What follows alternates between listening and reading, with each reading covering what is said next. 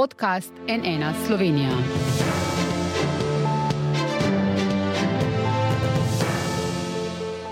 Dobr dan, to je NN studio. V slovenski javnosti še vedno močno odmevajo pričevanja o nasilju na psihiatrični kliniki, ki smo jih objavili na poglobljeno na NN.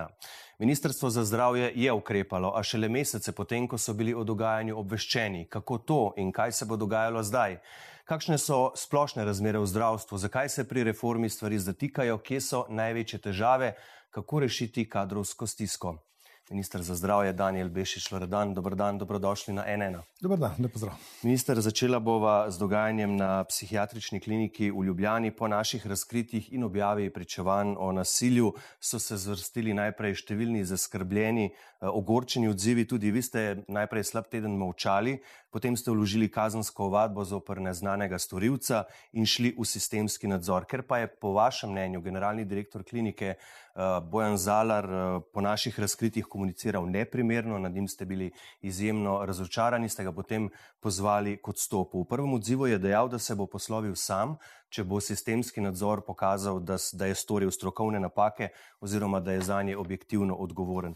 Zakaj ste ga pozvali k odstopu že zdaj in niste počakali na ugotovitve sistemskega nadzora? Uh, ja, če ste dobro spremljali moje izjave in tudi potem, ko smo upravili razpravo na seji vlade, ko smo zamenjali vseh pet članov, uh, se pravi v ustanoviteljice, um, smo proučili, kako je direktor uh, psihiatrične klinike v javnosti komuniciral. Torej, ob tem, ko se zgodi nekaj takega, ko je jasno, da vendarle nekaj stvari ni šlo v pravo smer, da vendarle je potrebno ozadje, uh, mora človek, uh, ki vodi tako, uh, rekel, v, v, veliko in pomembno inštitucijo, odreagirati mirno, spoštljivo, mora pokazati spoštovanje in vkolikor se izrazi dvom, mora v ta dvom tudi verjeti in sam pri sebi razložiti, da je pripravljen priti zadevi do dna. Uh, doktor Zalad je pravzaprav naredil nasprotno. Njegovi govori so bili, blago rečeno, zelo ponižujoči.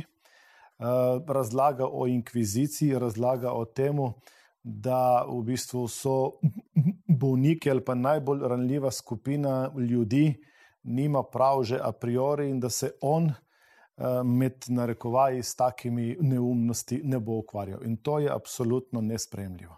Uh mhm. -huh. In to je bil čeprav razumem razlog za eh, poziv k odstopu. Vlada je, kot ste rekli, na četrtkovi seji tudi zamenjala vseh pet svojih članov sveta zavoda, ker so pač presodili, da je na kliniki vse v redu, da ni nepravilnosti. Eh, kaj zdaj pričakujete od novih, ki imajo večino v tem devetčlanskem svetu, da zamenjajo generalnega direktorja, če ne bo odstopil sam? Najprej, seveda, da, se, da pride do uh, konstitutivne seje novega sveta zavoda, da se imenuje predsednik, potem pa seveda skladno s pooblastili. To je nadzorna funkcija, da opravijo uh, hiter in natančen preg, pregled vse, kar se je zdaj dogajalo, in ustrezno seveda pozovejo vodstvo k odgovornosti. Eh, pozovejo ali da ga razrešijo? Najprej, eh, ja, tako, razrešitev je seveda vedno v vlogi sveta zavoda, mora biti Eh, pravno, formalno točna in po statutu se jasno ve, kateri so razlogi, da lahko svet zavoda direktorja razreši. Ampak prej do tega pride, je treba videti, pravzaprav je treba najti vse tisto in kar zdaj vidimo, kar se zdaj kaže, precej nepravilnosti je bilo.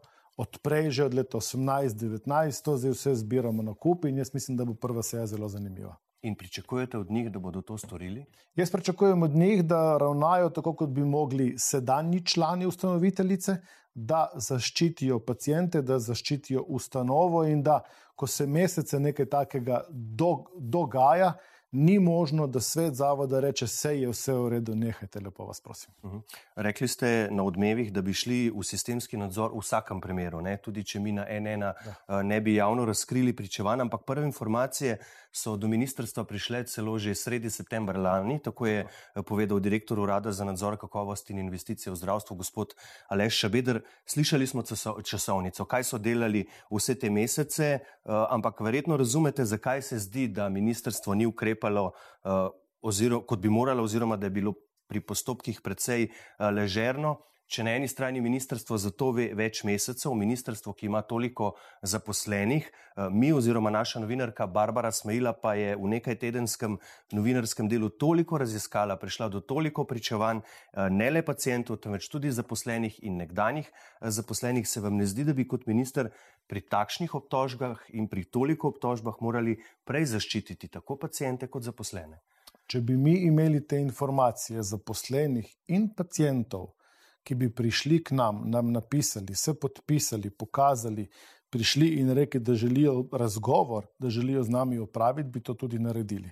Mi v septembru in tudi kasneje nismo imeli nobenih informacij, tako le strnjenih eh, po imensko, imeli smo samo eh, anonimno pismo v nekaj točkah, brez da bi česar koli imeli spodaj in ker gre za izjemno problematično tematiko, smo psihiatrično klinično, ki je tako pot, pozvali, da odgovori, šele potem, ko je prišel nadzor zbornice, se pravi Babiške nege, in ko je tam lepo pisalo, in ko smo potem zavrteli krok, in ko smo tudi videli, da se različna pisanja psihiatrične klinike, štiri ali pet jih je bilo v odzivih, da se eh, stvar ne križa, smo v sredini maja odredili sistemski nadzor, da se ga seveda naredi, je, po, je ponavadi potrebno 2, 3, 4 tedne. Zdaj, če boste videli, recimo v primerjavi s celsko bolnico, tam se je zgodilo tako, imena in primki, vse je bilo jasno promptno smo od, odreagirali, tukaj smo pa pač potem na podlagi od marca do maja, ko smo skrižali vse informacije, tudi upoštevaje tisto, kar smo prijeli septembra,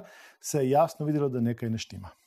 Ja, eh, kot rečeno, direktorja ste pozvali kot stopu, razrešili ste vse člane sveta, ki ste jih lahko. Omenili ste celski primer, ne, um, ta zamenjava identitet, ki vas je močno pretresla, spomnimo se tega, ampak tam ste bili vi pripravljeni celo odstopiti, če bi tako zahteval predsednik vlade, pa vas je eh, pokril. Tu potem eh, ne čutite te objektivne odgovornosti pri tem primeru, zakaj ne, kako je to drugače? Eh, še enkrat, če bi mi imeli imena in priimke, točne datume, torej ja. dejstva, pričevanja tako zaposlenih, tako bom rekel svojcev ali pa tistih, ki so bili pacijenti, kdaj, kje, kdo, na kak način, to, kar tudi zdaj že delno imamo, ne? ker so ljudje vendarle potem, po mojem iz, iz, pod, pozivu, prišli do nas, eni in drugi, in tudi tretji, bi odreagirali promptno. Danes, ko slišim te ljudi, ko sem se z njimi so, soočil, vam lahko potrdim, da ima zgodba neslutene razsežnosti, in sam kot minister in na ministrstvu bomo naredili vse, da resnično pridemo temu do dna. Ja, eh, bodo, eh, rekli ste sami, ne, da ste se že sestali eh, s temi ljudmi. Kaj so vam povedali, kaj, če se jih je strah? Ja, zdaj, seveda, morate razumeti, vsega vam ne morem razkriti, ampak kar sem videl, očitno gre za neko načrtno ustrahovanje, tako subtilno, Jaz moram reči, eh, ljudje, ki so prišli eh, do mene na ministrstvo, so izražali predvsem strah. Strah, kaj se jim lahko zgodi, ne moč, da so opozarjali na mnoge dogodke in se ni nič zgodilo. Mnogi od njih so pripravljeni tudi pričati. Edino, kar prosijo, prosijo za anonimnost, oziroma za to, da jih ustrezno zaščitimo, ker namreč. Uh, videti je, da vodstvo klinike preko vseh očitno uh, rok, lok, kakorkoli rečemo, že sprašuje, kje so, kdo so, kaj so in na kakšen način. In očitno gre res za eno zelo razsežno zgodbo, zaprto, ki se je sedaj odprla. In uh, kot rečeno, mi bomo vse naredili, po potrebi bomo tudi zaščitili vse, ki so prišli k nam na ministrstvo, pa tudi z vsemi organi eh, pregona, ki to upravljajo po profesionalni dolžnosti, smo v stiku in bomo resnično naredili vse. Če so ustrahovani, eh, kdo jih ustrahuje? Omenili ste, da gre nekako prek vodstva zaznati, torej vodstvo klinike ustrahuje. Ja, predvsej je bilo teh izjav, moja obljuba je, da ostanejo skrite, dokler to ne predamo. In uh, ko bodo ustrezni žrtvi to obdelili, mislim, da se bo to tudi jasno videlo. Kazenska ovadba, ki ste jo vložili zoper neznanega storilca, za katero kaznivo dejanje pravzaprav gre?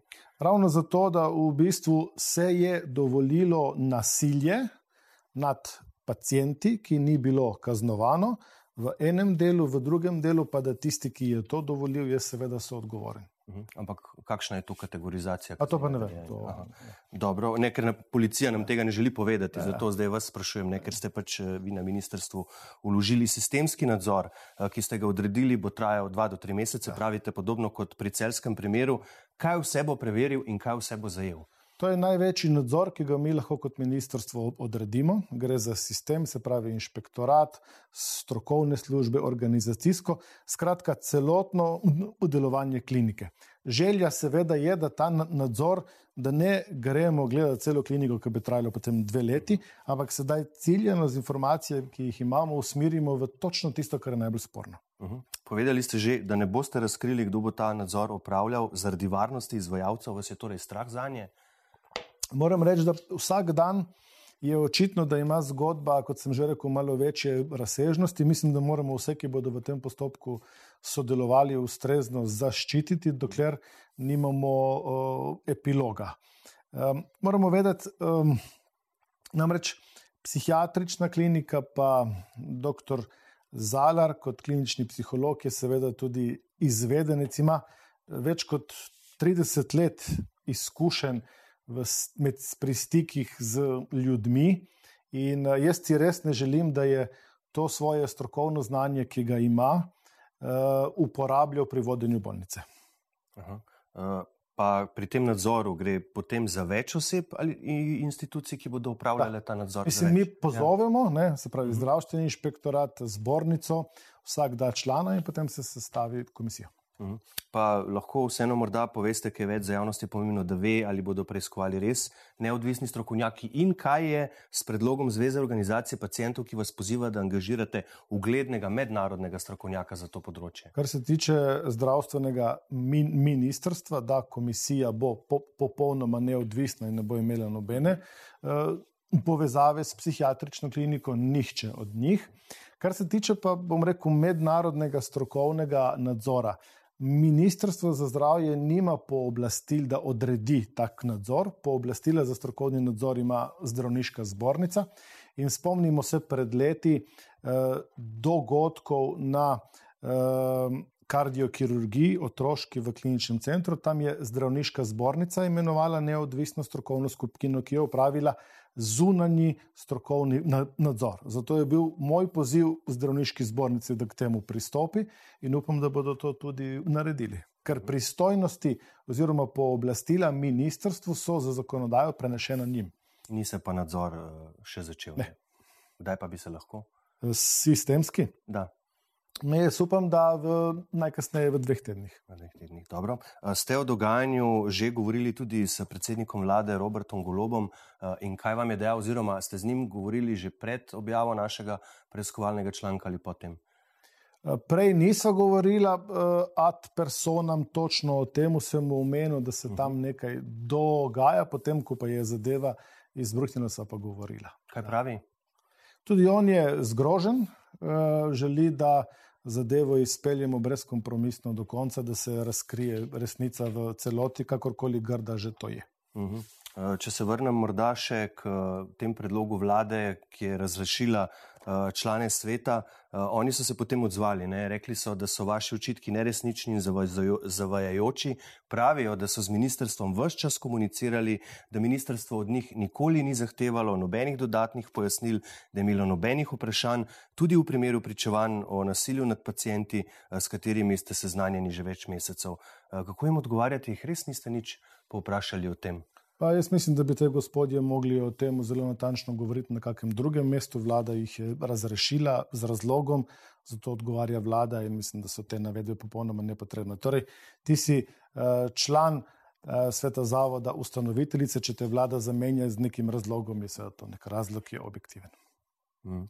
Um, če greva še morda k nekim eh, političnim razsežnostim tega vodja opozicije, Janes Janša v zadnjih dneh retvita Uroša Rubanijo, nekdanjega šefa urada vlade za komuniciranje, zdaj vedi direktorja televizije, ki je zapisal, citiram, očitno svobodnjaki želijo zauzeti psihiatrično kliniko tako, kot so zauzeli tudi Gulnik. Na mesto odličnega in dolgoletnega direktorja dr. Rozmana so tudi tam nastavili eh, svoj kader. In še, eh, Janša je delil tudi zapis Romana Vodeba, ki je napisal, citiram, Bojan Zalar je po mojem videnju na udaru politično, zato ker je v eni od Pirkovičevih oddaj na RTV kritično komentiral uh, COVID protestnike. Zdaj, da ne bo nobenega uh, dvoma, nam na ena zagotovo tu ne gre za nobeno politiko, gre nam za to, da vsi pacijenti dobijo varno, ustrezno, dostojno skrbo in da nikogar, ampak res nikogar ne doleti nasilje. Ampak vendar, gospod minister, kako komentirate obtožbe, da ima vaša vlada tudi politične motive za to menjavo? Mislim, jaz težko komentiram take izjave, ker so spet uh, iz ust um, uh, predsednika največje opozicijske stranke popolnoma nekorektne. Mm. Mi imamo jasno uh, sled, kaj se na psihiatrični kliniki dogaja. Ta sled je prisotna že nekaj mesecev. Križali smo vse informacije, sedaj imamo tudi, seveda, izjave mnogih, nove izjave še pričakujemo. To so gola dejstva, ki kažejo na dve stvari. Ena stvar je, da je obstaja objektivni sum eh, prekomernega nasilja oziroma uporabe prisilnih sredstev v psihiatriji, ki ga izvaja očitno določena skupina na zaprtem oddelku oziroma na delu, kjer se to dogaja. In drugo je v bistvu sum, da vodstvo bolnišnice, kljub temu, da je imelo nekaj indicov že nekaj časa, eh, da se to dogaja, ni ustrezno odreagiralo. In ko bomo to dokazali, bo zadeva jasna. In ne gre za nobeno politično konotacijo ali kakorkoli gre preprosto za dejstvo, da A, moramo zaščititi ljudi, in B, da je naloga ustanoviteljice, da zaščiti ustanovo. Torej, gre tudi za dobro ime, ugled ustanove.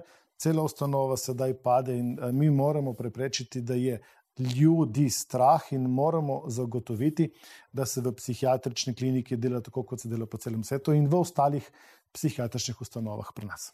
Ja, ko bo, če bo do menjav tam prišlo, lahko na tem mestu zagotovite, da to ne bodo menjave po politični liniji. Ja, gotovo. Uh -huh. uh, zdaj, ker je zaradi nasilja, ki se je očitno dogajalo na psihiatriji, do neke mere porušeno zaupanje in ker je to zaupanje nujno, ker tako kot vedno ponovno opozarjamo, ne, to, kar ste že v bistvu tudi vi zdaj rekli, naj se ljudje, ki so v stiskah, ki imajo duševne motnje, eh, bolezni, grejo zdraviti. To je zelo nujno. Kako naj se ponovno spostavi to zaupanje javnosti? Kaj bo vse bo ministrstvo naredilo, da bodo vsi ljudje, ki potrebujejo pomoč, šli po pomoč in jo tudi dobili. Ne? To je res uh, nujno in tu prosim konkreten odgovor. Ja, tukaj zdaj ministrstvo ne zdravi ljudi. Ministrstvo ima pregled nad sistemom, sistemskimi ukrepi, z vsemi pooblastili bomo seveda poskrbeli, da tako svet zavoda, kot tudi vodstvo upravita svoj del naloge. Odgovornost za vse, kar se dogaja na kliniki, je na strani nadzornika sveta zavoda in seveda upravnika, če lahko rečem, to je vodstvo oziroma direktor. Vkolikor temu ni tako, bomo poskrbeli, da bo temu tako. Potem pa seveda z ustreznimi, z ustrezno komunikacijo, z ustreznim vodenjem sektorja za duševno zdravje, bomo, kar že itak delamo, ker vemo, da je leto duševnega zdravja, v celoti naredili strategijo, bazo, mrežo storitev iz področja duševnega zdravja. Še enkrat več se nam kaže, kaj predstavlja, ko ni sistemskega nadzora, se pravi, ni enotnega organa, ki kadarkoli lahko odredi sistemski nadzor, ali je to agencija, zdaj imamo UNKIS, ampak je še premalo, in tudi ni sistemskega upravljanja s podatki. Zdaj, če bi imeli danes popolnoma digitaliziran sistem, bi videli, kaj se dogaja v Mariboru, v Idriji, v Vojniku, v Ormužu in tukaj, in bi zelo hitro prišli tudi s pomočjo uporabe umetne inteligence, da nekaj ni prav. Ali prekomerna uporaba sredstva, ali prekomerno, in tega nijemo, da tu moramo priti.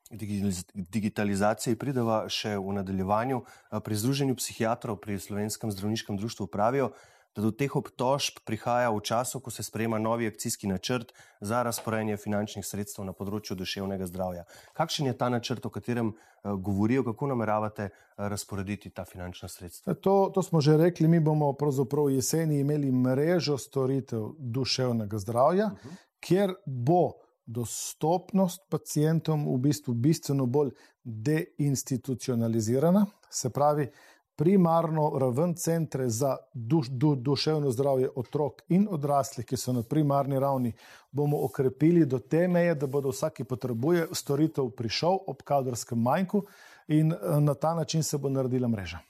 Eh, je pa dogajanje komentiral tudi predsednik eh, Strateškega sveta za zdravstvo pri predsedniku vlade, dr. Erik Brecel za Radio Slovenije, je dejal, citiram, to, kar se zdaj dogaja, ne vem, ali zdaj rešujemo problem, ali rešujemo ministra. V kakšnih odnosih pa sta sicer z dr.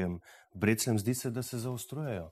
Ne mi, da nima nobenega zaostrenega odnosa, z Erikom Breclem se poznava, res pa, da v zadnjem času ne komunicirava veliko, vrtno, kam vsak preveč svojega dela. No, ampak dejstvo je, da je moral predsednik vlade uh, za izboljšanje komunikacije med vami in njegovim strateškim svetom imenovati posebnega koordinatorja. To pomeni, da očitno se neki odnosi med vama krhajo. Ma še enkrat, ne bi tega posebej komentiral, mi dva veva, kako odnosi imamo in to je to. Ni nič dileme tukaj za iskati. Torej, zavračate njegovo oceno, da gre v tem primeru za reševanje, lahko, lahko tudi za reševanje ministra. Ne vem, kako bi na tem primeru kdorkoli meni reševal, če jaz klečem te poteze. Ja, sicer pa že nekaj mesecev opozarja, da predlogov strateškega sveta ne upoštevate, da so jih dali že več kot 70, to je bilo aprila. Še več za delo je dejal, da gredo vsi predlogi, ki ne zadevajo Ministrstva za zdravje, hitro v življenje, kar bi moralo narediti Ministrstvo za zdravje, pa da se nikamor ne premakne. Zakaj ne? Ali predlogi njihovi niso dobri, ali niso izvedljivi, ali je težava kje druge? Ne, mi te predloge vse spremljamo, to ne drži, tudi jih imamo na min ministrstvu, vendar predloge spremeniti v zakonodajni postopek je izjemno zahtevno in to lahko lepo prikažemo tudi na primeru digitalizacije kot temeljnem koraku, ki smo potrebovali praktično od nov novembra lani do sedaj, da smo zakon spisali, uskladili z vsemi deležniki in ga dali v zakonodajni postopek. Vi menite, gospod minister, da lahko to zdravstveno reformo, ki je absolutno prioriteta te vlade, to uh, omenjate vsi uh, v vrhu vlade, na čelu s predsednikom vlade, da lahko to reformo brez podpore dr. Breclja sploh izpeljate? Ali je tu njegova podpora ključna? Jaz mislim, da moramo vsi skupaj dati podporo. Ni enega človeka. Gre za to, da se moramo vsi deležniki tukaj strinjati in najti konsens. In to je tisto, kar vse čas govorim. Nacionalni konsens med zelo različnimi deležniki do tega more priti in to, to, to pot kon, konstantno iščemo. Pa recimo, bom dal en konkreten primer, ki smo ga tudi razkrili na NN, ko je šla vlada v, oziroma koalicija, ne gre za poslanski zakon, v preoblikovanje uh, dopolnilnega zdravstvenega zavarovanja. Ne samo, da o tem skoraj do zadnjega niso nič vedeli koalicijski partnerji, uh, to je šlo mimo strateškega uh, sveta za zdravstvo. Ali bodo tudi naslednje poteze vaše, kakšne takšne, ki bodo šle mimo tega strateškega sveta? Zdaj, tu moramo biti kristalno jasni. Torej, poslanski zakon, poslanske skupine Svoboda je bila hitra in nujna reakcija na dvig premije. Mi smo tukaj zaščitili ljudi, to je tudi, mislim, da predsednik vlade natančno uh, obrazložil strat, strateškemu svetu in tu jaz ne vidim nobenih težav. Mhm. In v nadaljevanju pri drugih uh, stvarih ne bo šlo tako da bi šlo mimo strateškega ne. sveta. Uh mhm. -huh. Dobro, omenili ste že prej digitalizacijo, uh, zdaj je to uh, šlo naprej. Kako bo torej to delovalo, kdaj ne bomo več prenašali svojih kartonov od zdravnika do zdravnika, kot ste v četrtek na tiskovni konferenci? Zdaj, uh, ko bo zakon sprejet, bo začel veljati 1.1.2024, potem nas pa čaka verjetno leto, dve, da bomo uh -huh. v celoti sistem digitalizirali. Se pravi, po naši oceni, če bo vse teklo gladko, zakonska obveza je, mi imamo že zelo veliko baz, bi precejšen del tega že mogel teči 1.1.25, končna verzija oziroma končno stanje bi moglo biti pa 1.1.26.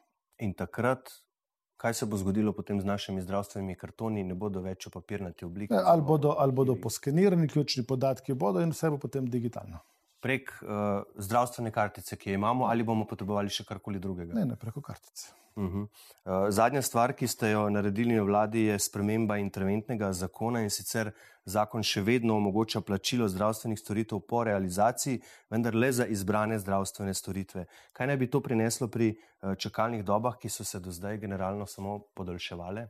Zdaj, okoli čakalnih dob bomo mi natančno pri, pripravili. Namreč mi vidimo razliko 18, 19, 20, 21, 22, 23, priliv na potnico sistem in v bistvu imamo pravka s tako imenovanim COVID-nim repom, in če tega ne bi bilo, bi bile čakalne dobe v nebo. To je prvi del. Drugo, kar smo sedaj naredili, ker smo seveda ugotovili, da pri tem prihaja do anomalij, do zlorab tega, da smo sistem v celoti odprli, bomo na podlagi resničnih čakalnih vrst, zmogljivosti sistema in ustreznih podatkov denar usmerili tam, kjer je najbolj potreben, kjer ljudje najbolj čakajo, in tudi po oceni, kjer gre v bistvu za storitve, ki imajo najbolj blagodejen vpliv uh -huh. na zdravstvo. Na to, da če se tega ne naredi, se lahko zdravstveno stanje bistveno poslabša, ker niso vse storitve en, enake. Ampak že pred desetimi meseci ministr so bila upozorila, da se bo zgodilo točno to, kar se je zgodilo zdaj, da se bodo čakalne dobe še povečale. Tako je takrat govoril tudi Dorjan Marušič iz strateškega sveta, tudi na ZZZS, so opozarjali, da ne bo delovalo. Zakaj ste torej čakali toliko časa za ta popravek? Vse se je nekako že na začetku videlo, v katero smer gre ali pač ne. Ne, ni se videlo, sedaj imamo vse podatke, zakaj smo čakali. Zato, ker se je v celoti razgalil sistem. Po vsem tem času je sistem razgaljen. Mi smo videli, kam gre to gnarja, zakaj gre to gnarja tam, kje so an anomalije, ampak generalno smo pa toliko in toliko ljudem omogočili storitev, ki je sicer ne bi. In čakalne vrste še, še nekaj časa ne bodo tako radikalno skrajšale, kot bi mi radi, ravno zaradi tega, ker se dogaja v celi Evropi. Torej, če je sistem 2021 v 20% stav ali pa tudi več, je ta input, ki ga zdaj imamo v 22 in 23, absolutno prevelik. Tudi iz stališča vaše stranke Gibanje Svoboda je bilo razumeti, kot da je bil ta projekt neuspešen. Ali vi menite, da prav zaradi tega projekta, da so se podaljšale eh, čakalne dobe, da je prav zaradi tega zdravniki odhajajo iz javnih zavodov? Ne. Uh, vse to se dogaja zaradi post-covidne krize, v kateri je celo zdravstvo in mi se ne razlikujemo od uh, Evrope. Mi, če bomo pogledali, kaj države okoli nas delajo, da pridejo na stanje pred covidom, bomo videli, da mi počnemo pravzaprav popolnoma enako. Mhm. Eh, boste v skrajševanje čakalnih dob vendarle vključili tudi čiste zasebnike ali ne? Ko bomo dobili ustrezne podatke, ko bomo natančno prišli do razmerja povpraševanja potrebe in ko bomo videli, kakšne so potrebe, resnično z verodostojnimi podatki, se bomo o tem odločili. Nismo še tam. Je, ko bomo imeli podatke, danes vidimo, da nimamo pravih podatkov in ključna razlika je, čakalne dobe se mirijo in so po vrsti zdravstvenih storitev. To je ena kategorija, to kategorijo je upeljal NIJZ, ZZZ te kategorije ne priznava in ta dva sistema sta nekompatibilna med seboj. Pa so po vaše zasebniki del problema ali del rešitve? Niti ne del rešitve, niti ne del problema. Mi moramo v bistvu oceniti najprej, moramo priti do verodostojnih podatkov, zmogljivosti obstoječega javnega zdravstvenega sistema. Ali ste zdravstven... to v zadnjih, se upravičujem, mesecih delali? Ja, ja ampak še, še vedno nimamo. Aha. Mi nimamo podatkov. Danes vidimo, da nimamo pravih podatkov. Podatki ostajajo pri izvajalcih, nimajo zakonske obveze, še enkrat vrsta zdravstvene storitve in plačilo, po kateri izvaja ZZS, se ne ujemata. Uh -huh. Uh, eden od ključnih delov zdravstvene reforme so spremembe plač, ampak bo to očitno dogovorjeno in realizirano bistveno kasneje, kot ste napovedali. Dejali ste, če dogovora ne bo do 30. junija, bo morala vlada prevzeti politično odgovornost. Kaj se bo zgodilo 30. junija? Vlada je imenovala skupino, novo, sklep vlade je jasen, bil je pred enim mesecem in takrat bomo potem videli dalje. Torej, na osnovi vsega ima vladna skupina polno pooblastilo za pogajanja z vsemi sindikati in bomo videli potem, kaj se bo zgodilo. Zato je ta skupina bila na novo pooblaščena in ima mandat, da zadeve pelje. In 30. junija torej nihče ne bo prevzemal politično odgovornost? Zaenkrat ne. Uh -huh. Pa je še vedno, a je že kakšen nov rok za to? Ne vem, ker nisem član te skupine. Ja. Uhum. Pa si želite, da bi bil, dokdaj si želite, da bi bila ta stvar rešena, vendar le ste ministr za zdravje? Ja, čim prej. Ampak kot rečeno, vladna skupina je dobila pogajalska izhodišča vlade, mandat vlade, da se z vsemi, uh, bom rekel, skupinami, sindikati v javnem sistemu pogaja. Ja, težave s kadrom v zdravstvu so, so zdaj že takšne, da veliko operacij odpade, ker ni medicinskih sester. Zdaj sem videl prejšnji teden zdravniki, ki celo že javno prek televizijskih zaslonov pozivajo, da besedno prosijo, da pridejo delati v javno zdravstvo, ker brez njih ne morejo. Eh, vi v bistvu priznavate, da rešitve tukaj ni, vsaj ne eh, na kratek rok. Vprašanje pa je, kaj pa lahko potem naredite, kam lahko usmerite svojo pozornost. Eh, najbrž tisti pacijenti, ki so frustrirani zaradi trenutnega stanja v zdravstvu, ne želijo slišati od ministra za zdravje, rešitev ni. Glede, eh, če ministr za zdravje v tem primeru jaz nima rešitve, prav da to povemo. Torej, kadrovska stiska medicinskih sester je v celotni Evropi nepopisna. Medicinskih sester ni. COVID je pustil tragedijo v sistemu, ljudje v sistemu so obremenjeni, šli so ven iz sistema in ne želijo v ta sistem se vrniti. Tudi Slovenija ni nobena izjema. Kadarkoli pridem na srečanje ministrov v Evropi, se pogovarjamo samo o tem, kje bomo našli medicinske sestre, kaj jim lahko damo, kaj jim lahko ponudimo, da se v sistem vrnejo, in nihče od kolegov nima rešitve. Vse sestre grejo ven, če grejo iz sekundarnega, se pravi iz bolnišničnega nivoja na primarno raven, so države še srečne. Žal, pri več kot polovici držav grejo ven iz zdravstvenega sistema in se v sistem ne želijo vrniti. Dobro, verjetno se pogovarjate vseeno o nekem naboru nekih možnih rešitev. Vendar le ste na položajih svojih, z vsemi kolegi ministri iz vse Evrope, ravno zato, da te težave rešujete. Že, ampak kot rečeno, v tem trenutku nihče od nas v Evropi tukaj rešitve nima tudi če se jim plače dvignejo, tudi če se najde kompromis, tudi če spremenimo pogoje dela, preprosto medicinske sestre v sistem po COVID-u ne želijo iti. Lahko da bo zgodba trajala leto, dve, da se nekoliko od, od, odpočijo, da pride burnout, lahko bomo s sistemskimi spremembami našli uh, način, ampak vidimo, kako je s kadri po celi Evropi. In žal smo danes tukaj v tej situaciji, ker nihče nima čarobne paličke, ker to ni več denar, denar jih ne zanima ni jih možno več kupiti. Lahko da bo treba prerasporeditev, še večja digitalizacija, še večja raz, razbremenitev. Skratka, nekaj bo treba najti, da zadeva pride do točke, ki smo jo imeli pred COVID-om. Če rečemo, kakšno je še v financiranju uh, zdravstva, kakšna bo tu sprememba po preoblikovanju uh, dopolnilnega zavarovanja, se bo košarica pravic krčila ali bomo morali državljani plačevati više prispevke ali pa morda obstaja še kakšna uh, tretja možnost in kaj to je? Ja, ta razprava bo začela zdaj teči, torej mi smo na poti do končne ukinitve obstoječe oblike dopolnilnega zdravstvenega zavarovanja. Vlada je najkasneje do 1.1.25 zaščitila ljudi in višino premije. Eh, našli bomo denar, da zagotovimo, da ob obstoječi košarici, kot temu pravite, vsi dobijo sto, storitev enako kot je danes, ob tem, da prispevajo 35 evrov bo pa usporedno, se pravi ta mesec, julij, august, september, mi moramo nekje do oktobra, novembra vedeti, kako se bo slovensko zdravstvo financiralo, na kakšen način, od 1.1.25 dalje. Zakonodajno spremembo bo treba dati do konca tega leta, najkasneje spomladi leto. Uh mhm. -huh. Kaj pa zakon o ZZZS, kdaj bo ta obravnavan na vladi? Zakon o ZZS sprejemamo, torej, ko smo ga dali v javno obravnavo, smo dobili zelo, zelo, zelo veliko, bom rekel, različnih pripomb, mnenj, res veliko.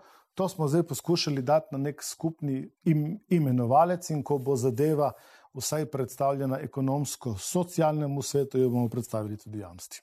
Pa je že koalicijsko usklajevana ali to še lepo je SSA-ju? En, en del je že, zato ker smo vrteli že kroge prej, to vse teče usporedno. Uh -huh. uh, kateri del pa je tisti najbolj neusklajen?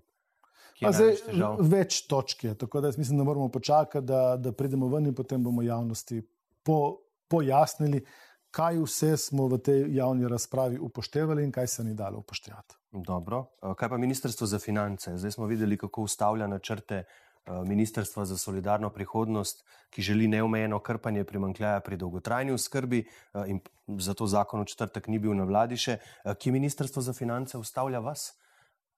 Ne, da bi, da bi, torej, da bi mi imeli kakšne indice, da bi nas Ministrstvo za finance ustavljalo. Ne, jaz moram reči, da sva z Ministrom za finance vsak dan v stiku, mi dva se oba zavedava kaj pomeni ukinitev dopolnilnega zdravstvenega zavarovanja.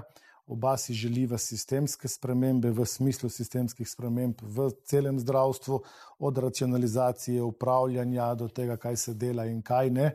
Tako da v tej luči ni, nimam takih indicov in tudi tega ni. Mhm.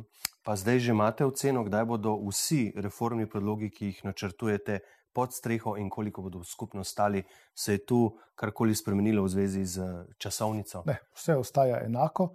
Mi predvidevamo, da bomo do konca tega leta vse imeli spisano in dali tudi v zakonodajni postopek. Najverjetneje bo še en mesec zamik, ampak do spomladi drugo leto bo vse na mizi.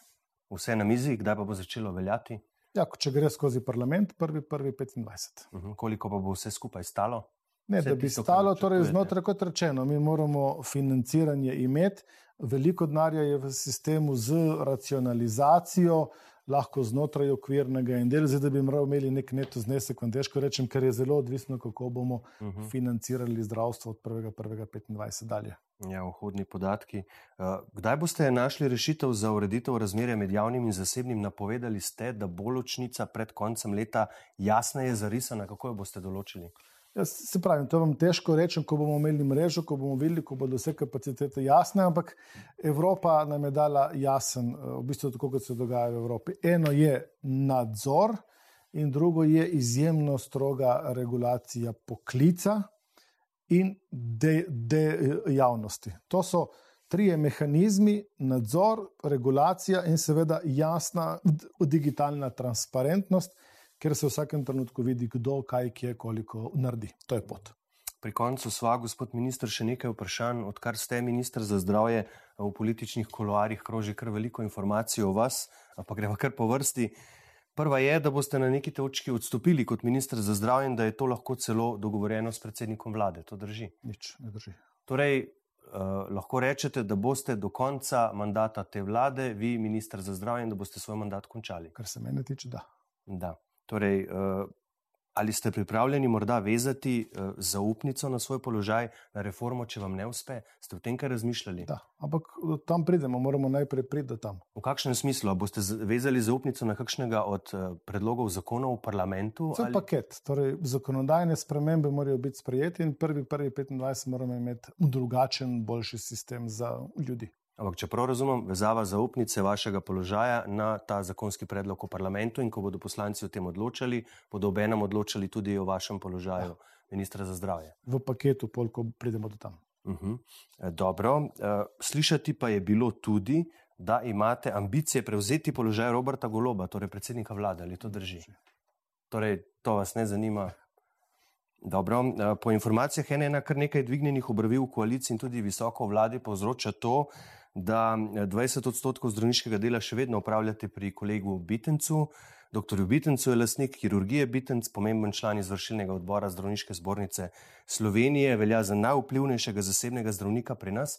Zakaj vi ustrajate v bistvu pri tem odnosu z gospodom Bitencem in kolikšen je njegov vpliv na to, kar vi na svoji javni funkciji kot minister delate, počnete? Doktor Bitenc nima vpliva na to, kar jaz počnem kot minister. Jaz sem v kirurgiji Bitenc zaposlen, bil sem to še prej, sem končal svoje delo v javnem zavodu in ko so me iz javnega zavoda izvrgli ven, sem pri njemu našel pot, da lahko delam svoje delo in to bo ostalo. Tudi, uh, torej v javno zdravstvo pa ne bi šli delati teh 20 odstotkov. Ne, ker nimam kje delati. Ta javni sistem me je izvrgel, ravno zato, ker sem poskušal delati. Ampak ne bi bil to recimo zgled promocije javnega zdravstvenega sistema, ki ga želite rešiti, kot pravite? Ko ga bomo reformirali, se bomo lahko pogovarjali, če se bo dala. Uh mhm. -huh. In takrat potem dopuščate možnost, da bi. Da, da. Uh. -huh. Dobro, bomo seveda z zanimanjem spremljali za danes pa. Gospod minister Bešič Loredan, najlepša hvala, da ste prišli na NN in za tale pogovor. Hvala za povabilo, z veseljem. Hvala pa tudi vam za vašo pozornost. Seveda vse, kar se bo še dogajalo v zvezi z našimi razkriti o dogajanju na psihiatrični kliniki, skratka o epilogu zgodbe, ki ga vsi čakamo, boste brali na nnainfo.si. Iz studija pa le še lepo zdrav in nasvidenje.